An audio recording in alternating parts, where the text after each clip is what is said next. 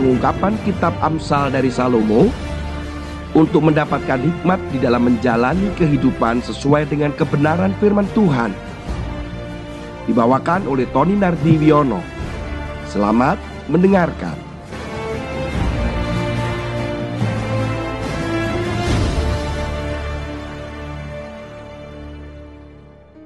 Shalom Bapak Ibu sekalian saudara Kita sekarang masuk pada yang kelima yang dibenci oleh Tuhan Yaitu terambil dari kitab Amsal pasal yang ke-6 ayat yang ke-18 Hati yang membuat rencana-rencana yang jahat Kaki yang segera lari menuju kejahatan.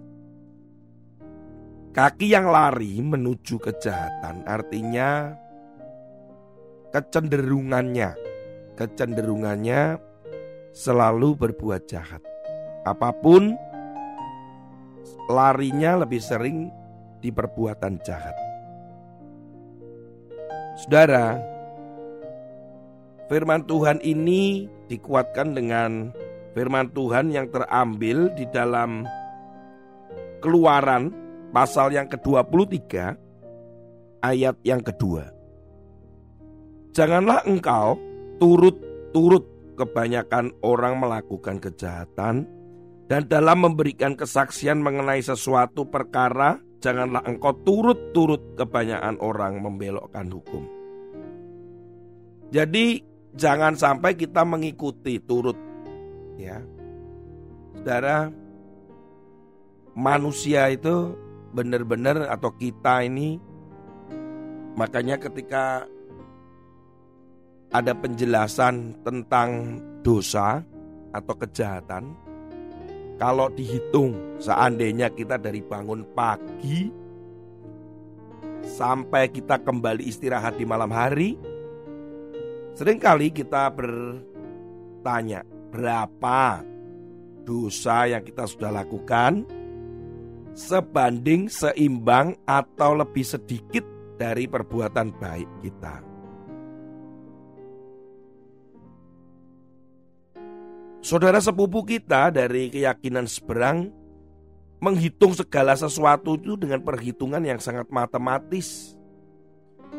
Dosa itu dihitung berapa, perbuatan baik dihitung berapa, berlipat kali berapa. Ketika melakukan ibadah Hal itu bisa menutupi dosa, apakah itu seimbang atau tidak, atau mungkin perbuatan amalnya lebih banyak, perbuatan baiknya lebih berat, sehingga perbuatan dosa dan jahatnya bisa dihapuskan, bisa dikurangin. Semua mereka menggunakan hitungan-hitungan, berdoa di tengah malam, ketika beramal, kemudian memberikan sedekah Ya itu semuanya ada hitungannya. Tetapi ketika benar-benar terhitung dari pagi sampai malam atau seharian itu sering kali lebih banyak dosa saudara daripada hal-hal untuk menutup dosa itu. Oleh karena itu kita memang tidak pernah mampu bisa menghapuskan dosa, mengurangi dosa. Jelas hanya satu yang bisa melakukan itu, yaitu Yesus. Yesus yang di atas kayu salib itulah yang memikul, menghapus dosa kita, menanggung dosa kita, karena kita tidak mampu. Kita pikir dengan pelayanan kita bisa menghapus dosa kita. Kita berpikir dengan cara kita berbuat baik, menyumbang sana, menyumbang sini, hal itu akan menyogok atau menyuap Tuhan supaya dosa kita diampuni. No, no, no, no, tidak. Dosa kita terampuni, terhapus hanya melalui kita percaya kepada Yesus sebagai Tuhan dan Juru Selamat. Di situlah dosa diampuni. Kita diselamatkan. Saudara, mengapa orang itu banyak berbuat jahatnya daripada perbuatan baiknya? Roma katakan karena kemuliaan Tuhan sudah hilang semua orang berbuat dosa. Kita buka firman Tuhan dalam 3 Yohanes pasal yang pertama ayat yang ke-11. Saudaraku yang kekasih, janganlah meniru yang jahat, melainkan yang baik. Barang siapa berbuat baik, ia berasal dari Allah. Tetapi barang siapa berbuat jahat, ia tidak pernah melihat Allah. Jika saudara dan saya lebih sering berbuat jahat kepada sesama, kepada orang lain, kepada Tuhan, jangan-jangan kita belum melihat Allah loh. Karena firman Tuhan katakan barang siapa yang berbuat jahat sebenarnya ia tidak pernah melihat Allah. Allah yang dimaksud yang dilihat itu bukan secara kasat mata ada di hadapan saudara. Melihat Allah ini memiliki beberapa arti. Yang pertama artinya bahwa kita menyaksikan kekuasaan kemuliaan Tuhan yang ada di hadapan kita. Bagaimana kemuliaannya dinyatakan, kedahsyatannya itu dinyatakan. Ketika orang Israel ingin bertemu dengan Allah, maka yang ditampakkan oleh Allah itu adalah kedahsyatan dan kemuliaan kuasanya.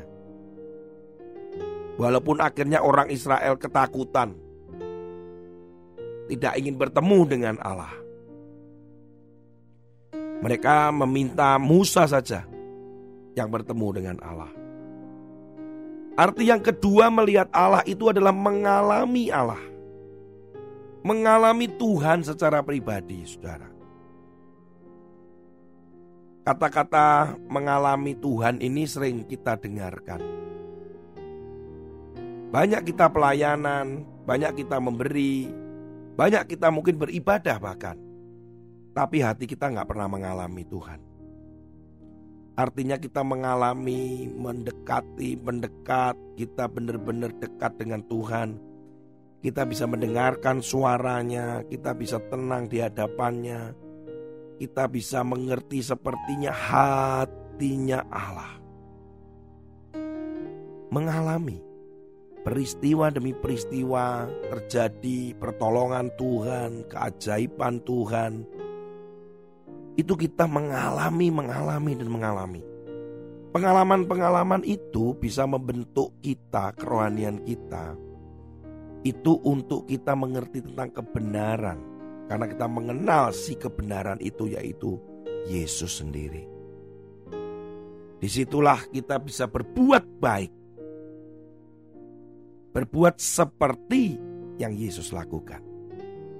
Karena kita mengalami Yesus, kita mengalami Tuhan. Dan kita bisa melakukan seperti apa yang Tuhan Yesus lakukan. Saudara, mari jangan berbuat jahat lagi.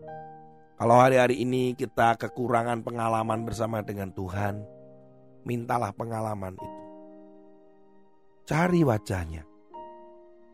Mendekatlah kepada dia. Dia tidak pernah meninggalkan saudara dan saya, kita yang lebih sering meninggalkan dia.